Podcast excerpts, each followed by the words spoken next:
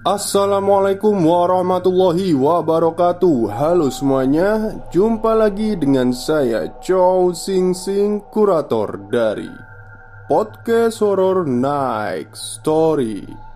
Halo apa kabar semuanya? Semoga kalian pada sehat semua ya. Dan seperti biasanya pada malam hari ini Saya kembali dan akan membawakan sebuah kisah mistis Untuk kalian semua Kisah mistis kali ini saya dapatkan dari akun twitternya Mas Simpleman Yang berjudul Lintri. Jadi uh, Lintri itu semacam pelet ya. Ya kayak ilmu pelet gitu biar Seseorang itu suka sama kita. Yang awalnya tidak suka menjadi suka. Oke mungkin tidak usah berlama-lama ya Langsung saja kita simak ceritanya. Ada yang tahu tentang lintrik? Sepertinya masih banyak yang belum tahu ya. Kita bahas malam ini.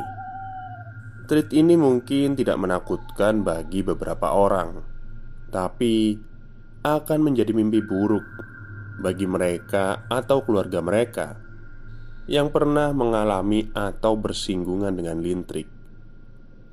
Karena Lintrik memiliki sejarah yang tidak kalah gelap dari banyak ilmu hitam yang pernah diciptakan. Pada beberapa daerah Jawa Timur, Lintrik memiliki nama-nama yang berbeda satu sama lain. Begitu juga ritual dan pengikutnya berbeda pula. Lintrik dari mana yang ingin kalian tahu? Lintrik daerah Tapal Kuda atau lintrik daerah Weleng? Baiklah, terkhusus malam ini kita ke tapal kuda saja ya. Salah satu lintrik yang paling sulit untuk dideteksi, bahkan oleh mereka yang mempelajari ilmu spiritual. 17 tahun yang lalu, saya pertama kali mendengar tentang lintrik. Itu pun saya sebenarnya mencuri dengar dari pembicaraan antara nenek saya ketika berkunjung ke rumah. Singkatnya, beliau sedang menceritakan tentang salah seorang tetangganya yang konon menggunakan ilmu pengasihan ini. Semua dimulai ketika malam datang. Waktu itu, desa tempat nenek saya tinggal masih dihuni oleh segelintir keluarga saja. Jarak antara satu rumah ke rumah lain cukup jauh, dan biasanya dipisahkan oleh tanah kosong atau orang Jawa biasa menyebutnya dengan barongan. Singkat cerita, salah seorang kepala keluarga, sebut saja beliau dengan nama Pak Mantri, baru selesai dari ladang. Ia berniat untuk pulang dengan sepeda perang miliknya. Ia tak menduga kalau hari sudah menjadi gelap akibat dia tertidur pulas di gubuk setelah seharian bekerja. Pak Mantri mengayuh sepedanya sendirian di bawah pohon-pohon besar dan tinggi. Dia tampak bersiul-siul mengusir sepi yang perlahan mulai mengganggu dirinya. Entah kenapa malam itu terasa lebih dingin dari biasanya. Di sepanjang perjalanan, rumah-rumah sudah tertutup rapat. Tak ada satupun orang yang Pak Mantri lihat. Maklum saja, saat itu, tak banyak orang yang mau beraktivitas pada malam hari. Pak Mantri mengayuh terus sepedanya hingga akhirnya sampailah dia di persimpangan jalan. Pak Mantri sempat berhenti untuk berpikir, sampai akhirnya beliau memutuskan untuk mengambil jalan pintas, yaitu sebuah jalan kecil yang diapit dua ladang pisang yang mengarah langsung ke tanah kuburan. Meski terdengar menakutkan, namun Pak Mandri bukan tipikal orang yang penakut Karena toh di kuburan tidak ada apa-apa kecuali orang mati. Dari kejauhan Pak Mandri mulai melihat bayangan pohon Kamboja Diikuti siluet rumah penduso. Rumah penduso itu rumahnya peti mati itu ya Eko peti mati kayak yang buat ngangkat mayat itu Pak Mantri masih begitu tenang mengayuh sepeda. Tak ada sedikit pun pikiran yang aneh-aneh mengenai tempat tersebut. Sampai tanpa ada sebab yang jelas, rantai sepeda Pak Mantri tiba-tiba terputus. Lelaki paruh baya itu sempat mengumpat, "Taek." Karena meski jalan ini adalah jalan pintas, namun butuh waktu 15 menit berjalan kaki Untuk sampai ke rumah. Ditambah lagi Pak Mantri harus mendorong sepeda perangnya ini. Lelaki itu akhirnya pasrah. Ia tuntun sepeda perang tersebut sendirian. Namun Sejenak ketika Pak Mantri tepat berada di depan gerbang kuburan Pak Mantri sempat berhenti sebentar akibat mencium aroma dari bau kemenyan yang entah dari mana datangnya. Tiba-tiba rasa penasaran yang ada di dalam dirinya membuncah. Pak Mantri sontak menyandarkan sepeda perangnya di balik bangunan penduso. Sembari ia memasang indera penciumannya. Pak Mantri mulai mencari dari mana sumber bau kemenyan tersebut karena sejujurnya hal ini janggal bagi dirinya. Singkat cerita, setelah mencari dari mana sumber aroma kemenyan tersebut, Pak Mantri terhenti sewaktu melihat pada salah satu makam yang berada di tengah perkuburan. Terdapat kendi pulung yang mengepul asap dengan taburan bunga tujuh rupa. Pak Mantri tampak keheranan sebelum ia tersadar. Ia tersadar bila tak jauh dari tempatnya sedang berdiri terlihat bayangan seseorang berjalan mengitari area perkuburan. Pak Mantri seketika bersembunyi di semak belukar sambil berjalan mengendap-endap agar ia tahu apa yang sebenarnya terjadi di tempat ini.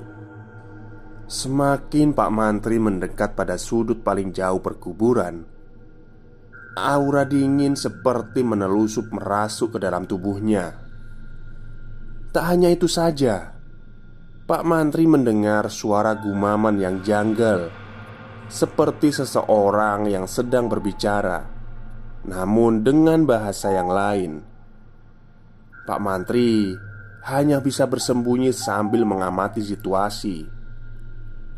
Di dalam hatinya ia berkata Bila suara yang dirinya dengar Tak lain adalah suara dari seorang wanita. Namun Terbesit sebuah pertanyaan Apa yang sedang dilakukan oleh seorang wanita Pada malam hari seperti ini Apalagi di area perkuburan.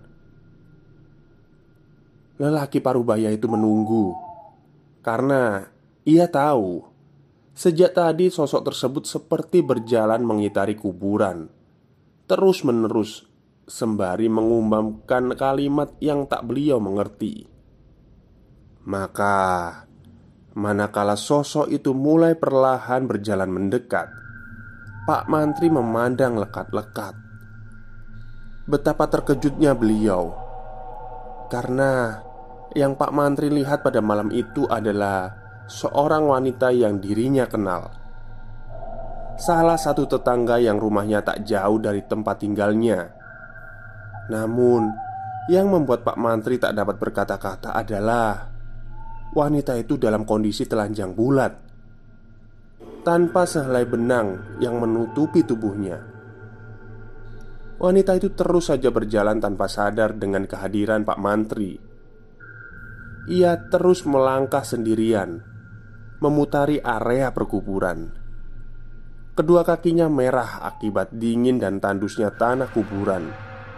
Sampai pada satu titik, tiba-tiba ia berhenti. Ia berhenti begitu saja sebelum kepala wanita itu berputar, melihat Pak Mantri dengan wajah yang hancur. Mata, hidung, sampai kulit wanita itu hitam seperti bekas orang terbakar Sosok itu terus melotot ke tempat Pak Mantri yang menunduk bersembunyi. Ia tahu dirinya dalam bahaya. Lalu, apa yang Pak Mantri lakukan? Beliau tahu wujud yang menatapnya saat ini bukanlah wujud dari wanita yang merupakan tetangganya tersebut. Karena pada dasarnya, sejak Pak Mantri melihat wanita itu telanjang dan mengitari kuburan, ia sudah tahu bahwa ini adalah syarat ritual lintrik. Lintrik Hayang Mamedi namanya. Pak Mantri ataupun tetangganya saat ini kedua-duanya sedang dalam bahaya.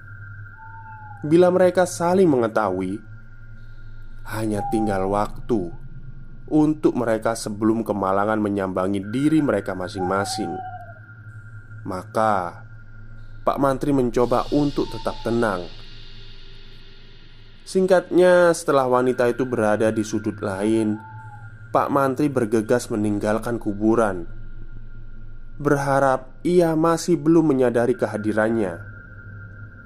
Dengan langkah perlahan-lahan, Pak Mantri menuntun sepedanya menjauh dari tempat itu. Pak Mantri sadar saat ini sepeda yang ia tuntun terasa lebih berat jika dibandingkan ketika tadi sebelum tahu perihal apa yang dilakukan tetangganya. Maka di sela langkah kaki Pak Mantri menuntun sepeda Ia menoleh Ia mendapati pada boncengan sepeda miliknya Tengah duduk si wanita. Wanita itu hanya diam.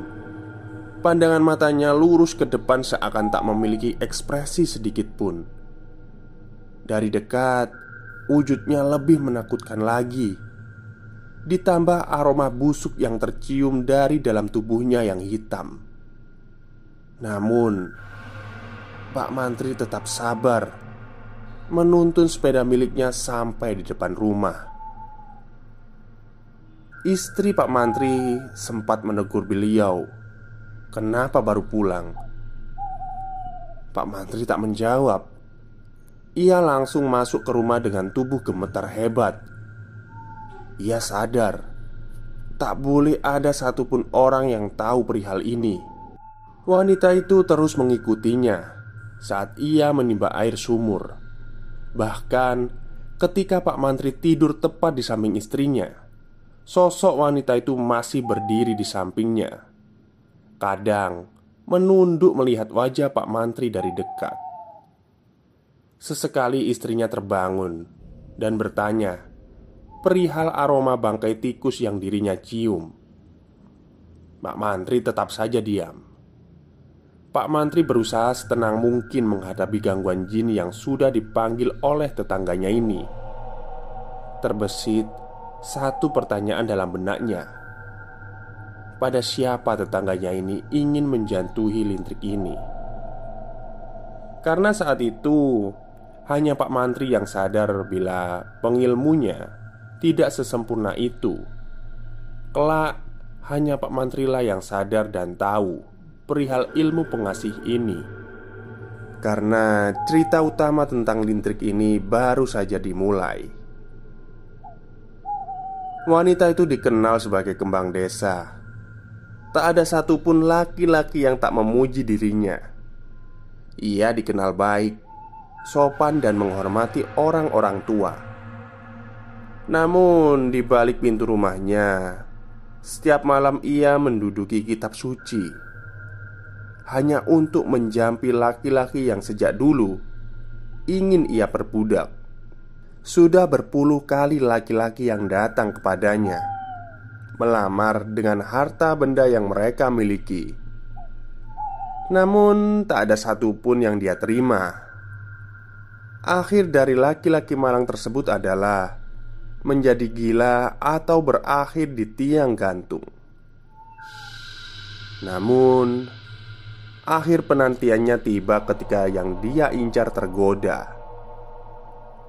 Ia menundukkan seorang suami yang sudah memiliki istri dan ketiga anak yang masih kecil, dan yang membuat orang-orang tak habis pikir adalah lelaki yang ia tundukkan tak lain adalah tetangganya sendiri.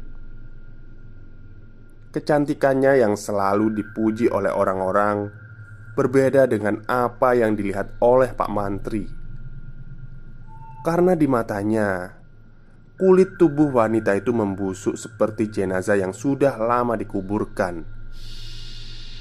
Perihal masalah yang sudah ia timbulkan, Pak Mantri berkunjung ke rumahnya. Di sana, ia menemukan jin yang menyerupai wujud si wanita sedang menyeringai padanya. Nama wanita itu adalah Ajeng. Ketika Pak Mantri sedang duduk, Ajeng datang dengan membawa segelas kopi hitam kesukaannya. Pak Mantri masih tertuju pada sosok jin yang menyerupai wujud Ajeng ini. Sampai akhirnya wanita itu menegur dirinya. "Silahkan, Pak, diminum." Pak Mantri hanya mengangguk. Dilihatnya segelas kopi itu tak terbesit di dalam kepalanya untuk mencicipinya. Sebaliknya, Pak Mantri datang ke sini untuk menasehati Ajeng. Aku mengenal kamu dari janin sampai sebesar ini. Apa yang kamu lakukan? Jangan dilanjutkan, karena kamu gak tahu.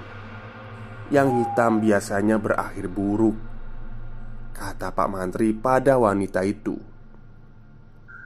Namun Ajeng hanya tersenyum sinis. Wanita itu tak menggubris apa kata Pak Mantri. Sebaliknya Ia merebut gelas kopi milik beliau Yang sejak tadi tak disentuh di atas meja. Dengan sekali guyur Kopi hitam itu terbuang di atas lantai. Dan Betapa terkejutnya beliau saat melihat di dalam gelas itu terdapat banyak labang. Ajeng lalu berkata dengan nada suara yang lembut, "Bapak tidak perlu ikut campur ya. Pulang saja. Kasihan loh Pak Ibu." Menanggapi hal itu, Pak Mantri seketika tahu apa maksud Ajeng Terlebih jin yang sejak tadi dia lihat lenyap. Pak Mantri seketika berlari pergi dari rumah Ajeng. Betapa terkejutnya beliau mendapati istrinya Dalam kondisi baru saja jatuh di samping sumur. Dari keningnya terus mengucur darah. Pak Mantri seketika mengangkat tubuhnya. Ajeng benar-benar sudah sinting Singkatnya, dua bulan setelah itu, pernikahan Ajeng dengan tetangganya berlangsung. Meski dilangsungkan secara diam-diam karena menjadi pergunjingan para tetangga, namun tak ada yang berani menyentuh Ajeng. Bahkan si istri sampai dibikin sakit tak bisa sembuh. Para tetangga tentu saja curiga. Bagaimana bisa Lelaki itu tunduk dengan Ajeng sampai seperti itu. Bahkan ia tega memukul ketiga anaknya di hadapan orang-orang. Apa pun yang Ajeng minta, dia berikan, termasuk mencerai istrinya sendiri yang sudah lama menemaninya sejak masih susah dulu. Yang lebih gila lagi, rumah atas nama istrinya diambil begitu saja Sampai akhirnya kabar tentang lintrik mulai terdengar di belakang mereka. Anehnya, setelah menikah pun laki-laki itu sama sekali tak terlihat mengendurkan perasaannya kepada Ajeng. Dia benar-benar dibuat tunduk. Atas izin istrinya, Pak Mantri akhirnya datang membantu. Ia bawa janda yang tak berdaya itu ke rumahnya di sini pergulatan batin Pak Mantri saling beradu. Karena kunci dari masalah ini hanya beliau yang tahu. Terlebih setelah bertanya kepada salah seorang temannya Tentang ritual. Maka pada malam buta itu Pak Mantri membawa janda itu pergi ke suatu tempat. Apa yang sudah Ajeng lakukan sudah mencapai Satri alias Sukma dari targetnya, dan targetnya itu tak dapat tertolong lagi. Bila dipaksa, maka laki-laki yang dipersuami oleh Ajeng bisa menjadi gila dan tidak bisa sembuh. Maka Pak Mantri berpikir, lintrik harus dilawan dengan lintrik. Tempat itu jauh lebih dalam dari jalan setapak yang ada di dalam hutan. Jauh lebih gelap dari tempat mana pun. Bahkan, meski Pak Mantri sudah berkali-kali pergi ke rumah orang itu, namun ketakutan masih saja datang sewaktu beliau menuju ke rumahnya. Pak Mantri berjalan bersama janda malang tersebut menyusuri jalan setapak. Sementara di belakang mereka berdua, sosok jin berwujud ajeng mengikuti mereka. Tentu saja, seperti kata orang itu, dia akan terus mengikuti Pak Mantri sampai beliau mengatakan bahwa Ajeng menggunakan lintrik. Hanya saja, bila Pak Mantri membuka rahasia ini, dan memberitahu siapa pun tentang lintrik ajeng ini, maka terputus dan lepaslah laki-laki itu. Tapi laki-laki itu bisa saja gila. Sementara Pak Mantri akan jatuh sakit yang amat parah. Begitu pula dengan Ajeng. Maka seperti sudah diduga sebelumnya, kedatangan Pak Mantri disambut oleh seorang lelaki tua yang tentu sudah tahu maksud kedatangan mereka. Tanpa membuang waktu, lelaki tua itu berkata, "Apa janda yang malang itu benar-benar mau melakukannya, sekalipun akal pikirannya bisa hilang, entah karena dendam atau putus asa." Janda yang malang itu seketika menjawab, "Bila ia bersedia melakukan apa pun." Asal kehidupannya yang dulu bisa kembali. Maka hari itu beliau melakukan ritual lintrik Namun menggunakan kartu yang tentu berbeda dengan milik Ajeng. Kartu itu dimasukkan ke dalam kendi kecil Lalu dikubur di bawah tanah kuburan.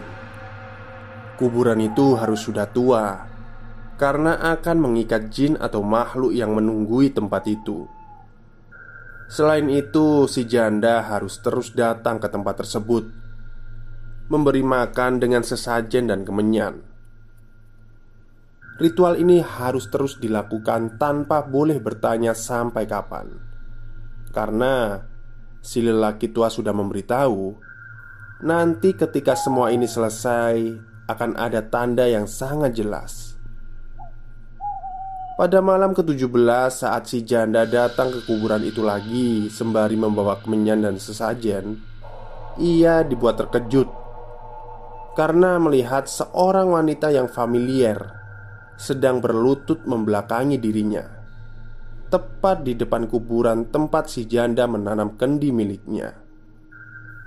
Ketika si janda bertanya siapa gerangan kepada wanita tersebut Betapa terkejutnya beliau melihat wanita itu berubah wajahnya menjadi sosok yang hancur. Sosok atau makhluk yang menyerupai Ajeng itu hanya melotot menatap ke arah si janda. Yang kemudian janda itu sadar bahwa siapa pun yang berdiri menjumpai dirinya ini bukanlah Ajeng, mantan tetangganya yang sudah merebut suaminya. Ia sadar Mungkin ini adalah salah satu pertanda yang ia tunggu. Lantas, karena keteguhan hatinya yang ingin membalas apa yang sudah Ajeng lakukan kepada keluarganya, si janda tak merasa takut sama sekali. Bahkan ketika ia meletakkan sesajen seperti biasa, sorot matanya tak henti tertuju mengamati wajah Ajeng yang seperti dibakar bara api.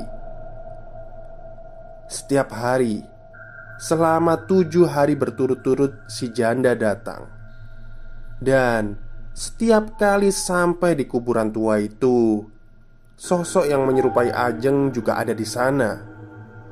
Wujudnya kian lama semakin tak dapat dijelaskan. Lidahnya panjang sampai keluar dari mulut, sementara kulitnya dipenuhi benjolan. Si janda hanya duduk, meletakkan kembali sesajen di atas kuburan, dan Malam itu adalah kali pertama dia melihat makhluk itu menengok ke wajahnya lebih dekat dan sangat-sangat dekat, sampai hidung mereka nyaris bersentuhan. Ada ketakutan dan kengerian di dalam hati si janda. Ia lalu berkata, lembut sekali, suaranya seperti berbisik lebih halus dari suara seorang manusia yang pernah dijumpai si janda. Ia berkata untuk mengambil kartu yang sebelumnya dia sudah tanam. Namun, di sinilah letak perbedaan lintrik pengasih si janda dengan si Ajeng. Karena si janda harus membuka seluruh pakaian yang ia kenakan sampai tak ada selembar kain pun yang menutupi tubuhnya. Lalu, ia harus membasuh wajahnya menggunakan tanah kuburan dari setiap tanah yang ia gali untuk mengambil kartu yang sebelumnya dia tanam di dalam kendi.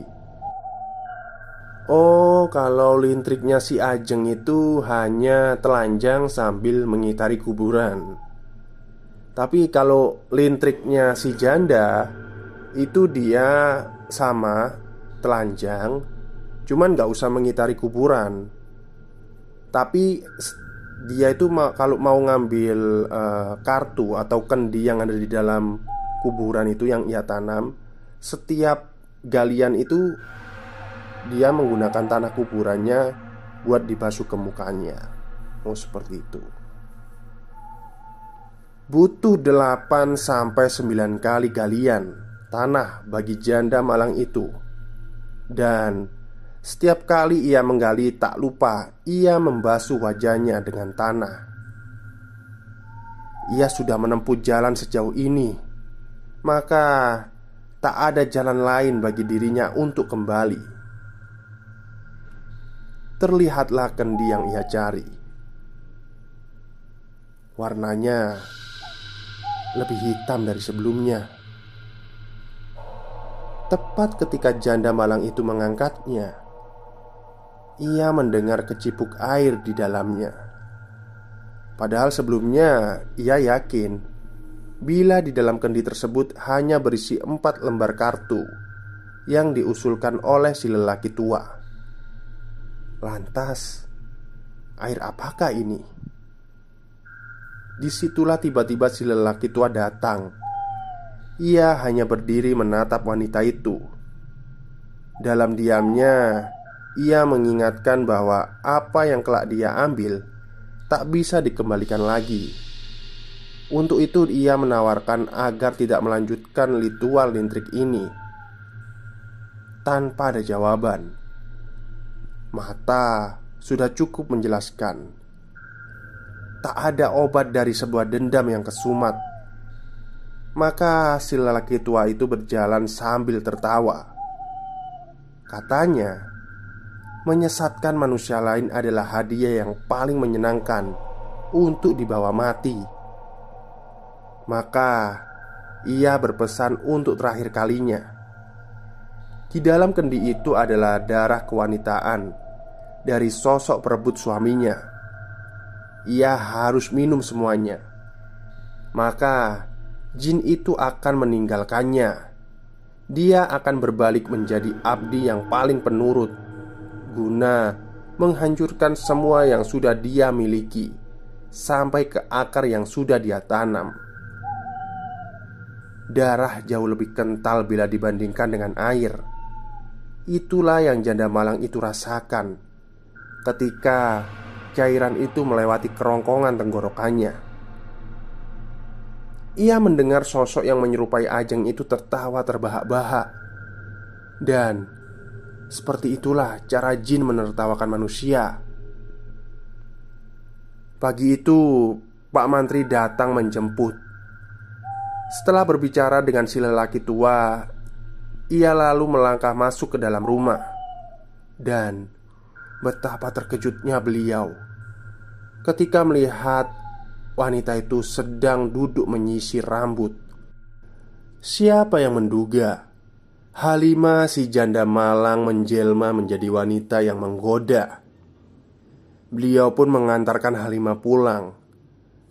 Sepanjang perjalanan, tak henti-henti orang berbisik saling berbicara. Tak tahu dengan siapa Pak Mantri berboncengan. Manakala mereka melewati rumah Ajeng, wanita itu tahu ada yang tidak beres dengan dirinya. Separuh wajahnya merah melepuh. Halimah akhirnya memutuskan tinggal jauh di luar desa Di sebuah rumah gubuk yang dikelilingi lahan pisang Ketiga anaknya tak dibawanya Konon Dari bisik orang yang saling berbicara Halimah mendapatkan uang dari banyak laki-laki yang berkunjung Tak penting dari mana Halimah mendapatkan uang Karena setiap malam ia akan berjalan pergi, lalu berdiri di luar rumah Ajeng. Selalu seperti itu. Beberapa kali pula Ajeng terlihat mengintip dari jendela kamarnya. Ia tak mau laki-laki yang sudah susah ia rebut didapatkan kembali oleh Halimah. Satu yang tidak dipelajari oleh Ajeng, lintrik yang ia pelajari membutuhkan media mata dari korban untuk melihat dirinya. Namun, lintrik yang dimiliki Halimah berbeda. Hanya membutuhkan satu foto saja. Dan malam itu Halimah tak ada keinginan untuk merebut suaminya. Ia ingin laki-laki itu membayar rasa sakit yang ia miliki. Halimah pulang sambil berpikir untuk memulai penderitaan Ajeng dengan satu sentuhan saja. Ia taburkan sejumput tanah, lalu pergi meninggalkan rumah Ajeng. Keesokan harinya, jeritan terdengar dari rumah Ajeng. Seluruh tetangga datang untuk melihat apa yang sedang terjadi.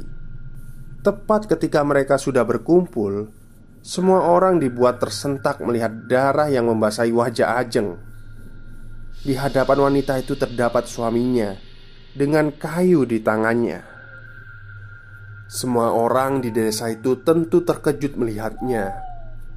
Namun, tak ada yang berani berbicara, apalagi ketika mereka tahu di dalam kerumunan itu ada Halimah yang berdiri melihat semua itu dengan sorot mata yang tenang.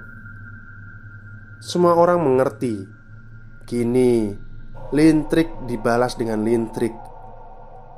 Malam harinya Empat kartu yang dimiliki oleh Halimah dia keluarkan. Di atas sebuah foto Ia letakkan kartu tersebut. Lalu Halimah berkata entah kepada siapa.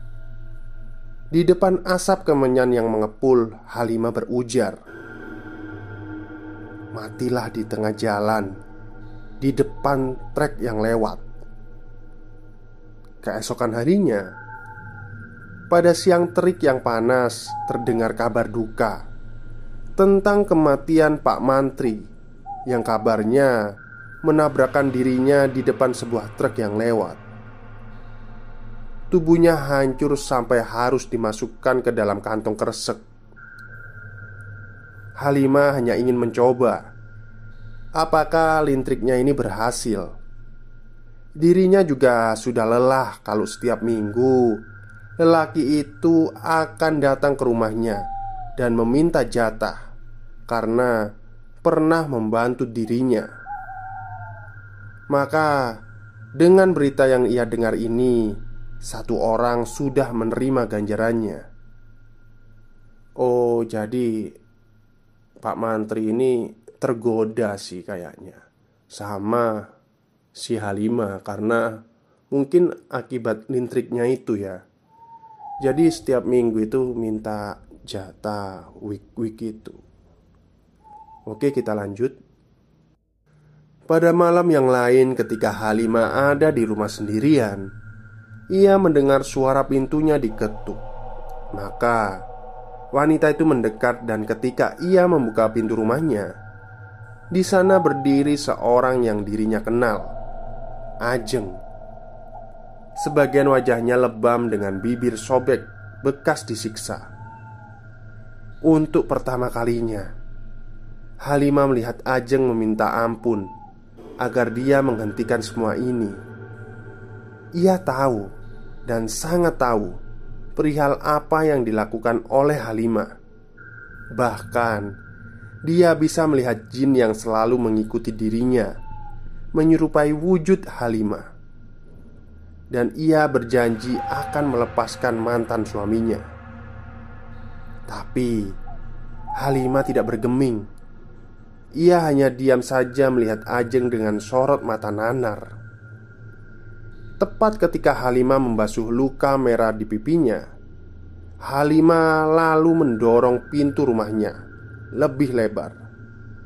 Di sana, Ajeng lalu melihat suaminya berdiri. Ia baru saja membenarkan kancing bajunya. Oh, jadi suami si Ajeng ini juga mampir ke gubuknya si Halimah. Ya, untuk week-week itu tadi. Oke, lanjut lagi. Ajeng pun pulang sembari dituntun oleh suaminya sendiri Pergi menjauh dari rumah Halimah Dan ketika bayangan mereka sudah pergi Halimah mengambil satu kartu lagi Menumpuknya di atas foto mantan suaminya itu Lalu berujar Dipakar saja Jangan dipukuli lagi ya mas Begitulah akhir cerita ini. Kejadian pembakaran ini untungnya tak pernah terjadi karena sewaktu hal itu dilakukan, Ajeng masih bisa diselamatkan, kecuali muka. Setengah badan dan kakinya mengalami luka bakar yang menyebabkan cacat permanen. Sementara mantan suami Halimah menjadi gila. Kekesalan warga pada Halimah mengerucut dan tak terbendung lagi sampai akhirnya mereka berbondong-bondong mendatangi rumah Halimah. Sayangnya malam itu adalah kali terakhir orang melihat Halimah. Kejadian ini diceritakan dari mulut ke mulut sampai berhenti di titik nenek saya sendiri. Sebenarnya lintrik dari tapal kuda lebih rumit lagi prosesinya, bahkan untuk menceritakan detail tahapan melintrik seorang laki-laki harus melalui tiga proses. Karena hari ini sudah semakin larut, saya pamit dan undur diri. Kita bisa lanjutkan cerita saya yang lain nanti. Atas segala perhatiannya, saya sampaikan terima kasih. Jangan ngelintrik orang ya, kalau tidak mau menanggung resikonya. Salam. Oke, terima kasih kepada Mas Simple Man atas kisah mistisnya pada malam hari ini. Dan terima kasih juga kepada neneknya Mas Simple Man yang sudah menceritakan tentang lintrik ini kepada Mas Simple Man sehingga bisa diceritakan kembali oleh Mas Simple Man pada hayala umum. Kok bulut ya? Ya kayak gitulah. Uh, jadi kalau saya lihat dari ceritanya Lintrik itu merupakan ya hampir sama ya kayak pelet Namun kalau lintrik ini lebih dalam lagi Dan jika dilihat lagi Ternyata saya nggak nyangka kalau Pak Mantri juga tergoda Sama lintrik itu Ya akibat ada perubahan ya dari si Halimah ketika melakukan ritual lintrik itu. Nggak nyangka sekali saya Saya pikir Pak Mantri itu orang baik gitu. Oke, mungkin itu saja yang bisa saya sampaikan pada malam hari ini. Semoga Anda semua terhibur. Selamat malam dan selamat beristirahat.